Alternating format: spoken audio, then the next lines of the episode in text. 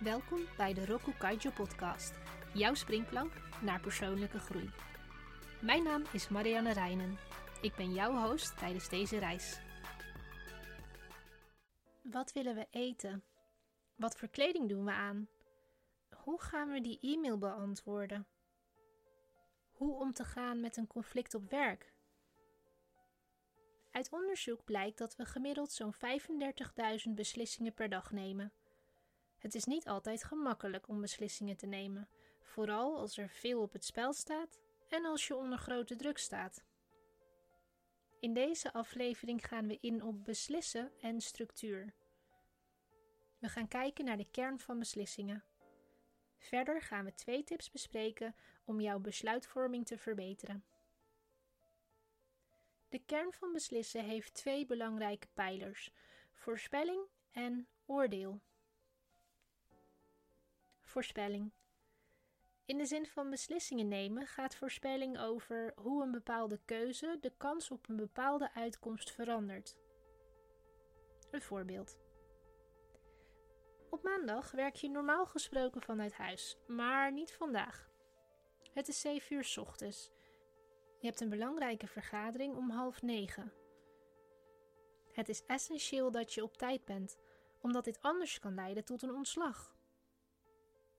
Op andere tijden en dagen is het 15 minuten rijden met de auto.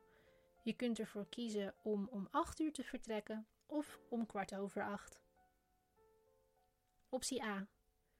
Als je om 8 uur ochtends wegrijdt, is de voorspelling dat je om kwart over 8 aankomt. Je hebt dan wat buffertijd. Optie B. Als je om kwart over 8 wegrijdt, is de voorspelling dat je stipt om half 9 aankomt. Er is dan geen buffertijd meer. Oordeel.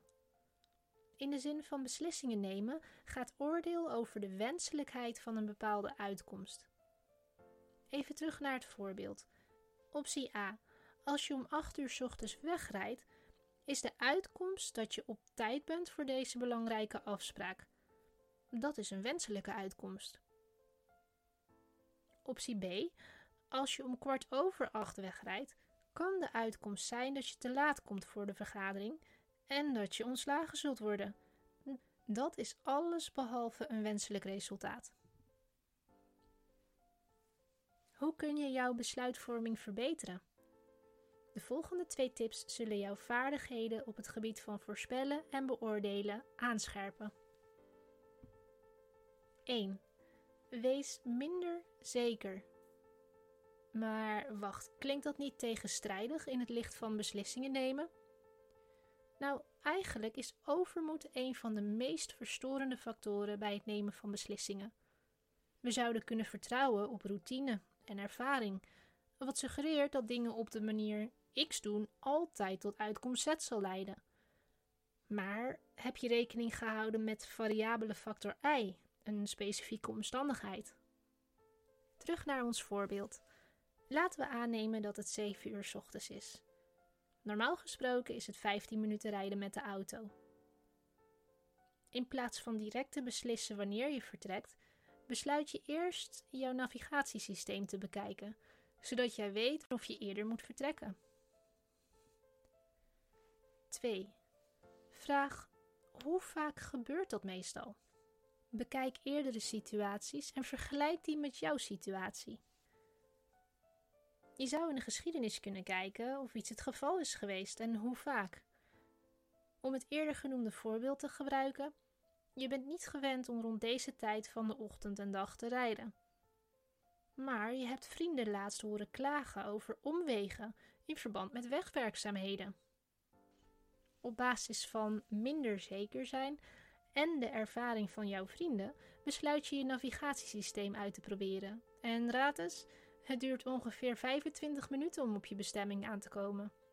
Je besluit om 8 uur te vertrekken. Goede keuze. Roku Kaijo's weektip. De oefening van deze week: stoppen, nadenken, beslissen. Denk na door een bepaalde uitkomst te voorspellen, je overmoed te elimineren en te denken aan vergelijkbare situaties. Beoordeel vervolgens de wenselijkheid van die uitkomst en maak dan een keuze. Vandaag is het einde van de serie over structuur en ook het einde van dit seizoen van de Roku Kaiju podcast. Seizoen 2 wordt gelanceerd op 15 december 2022. Ik kijk er naar uit om hier dan weer van dienst te zijn. Bedankt voor het luisteren naar de Roku Kaiju podcast. Meer informatie en het laatste nieuws vind je op de website roku-kaijo.com.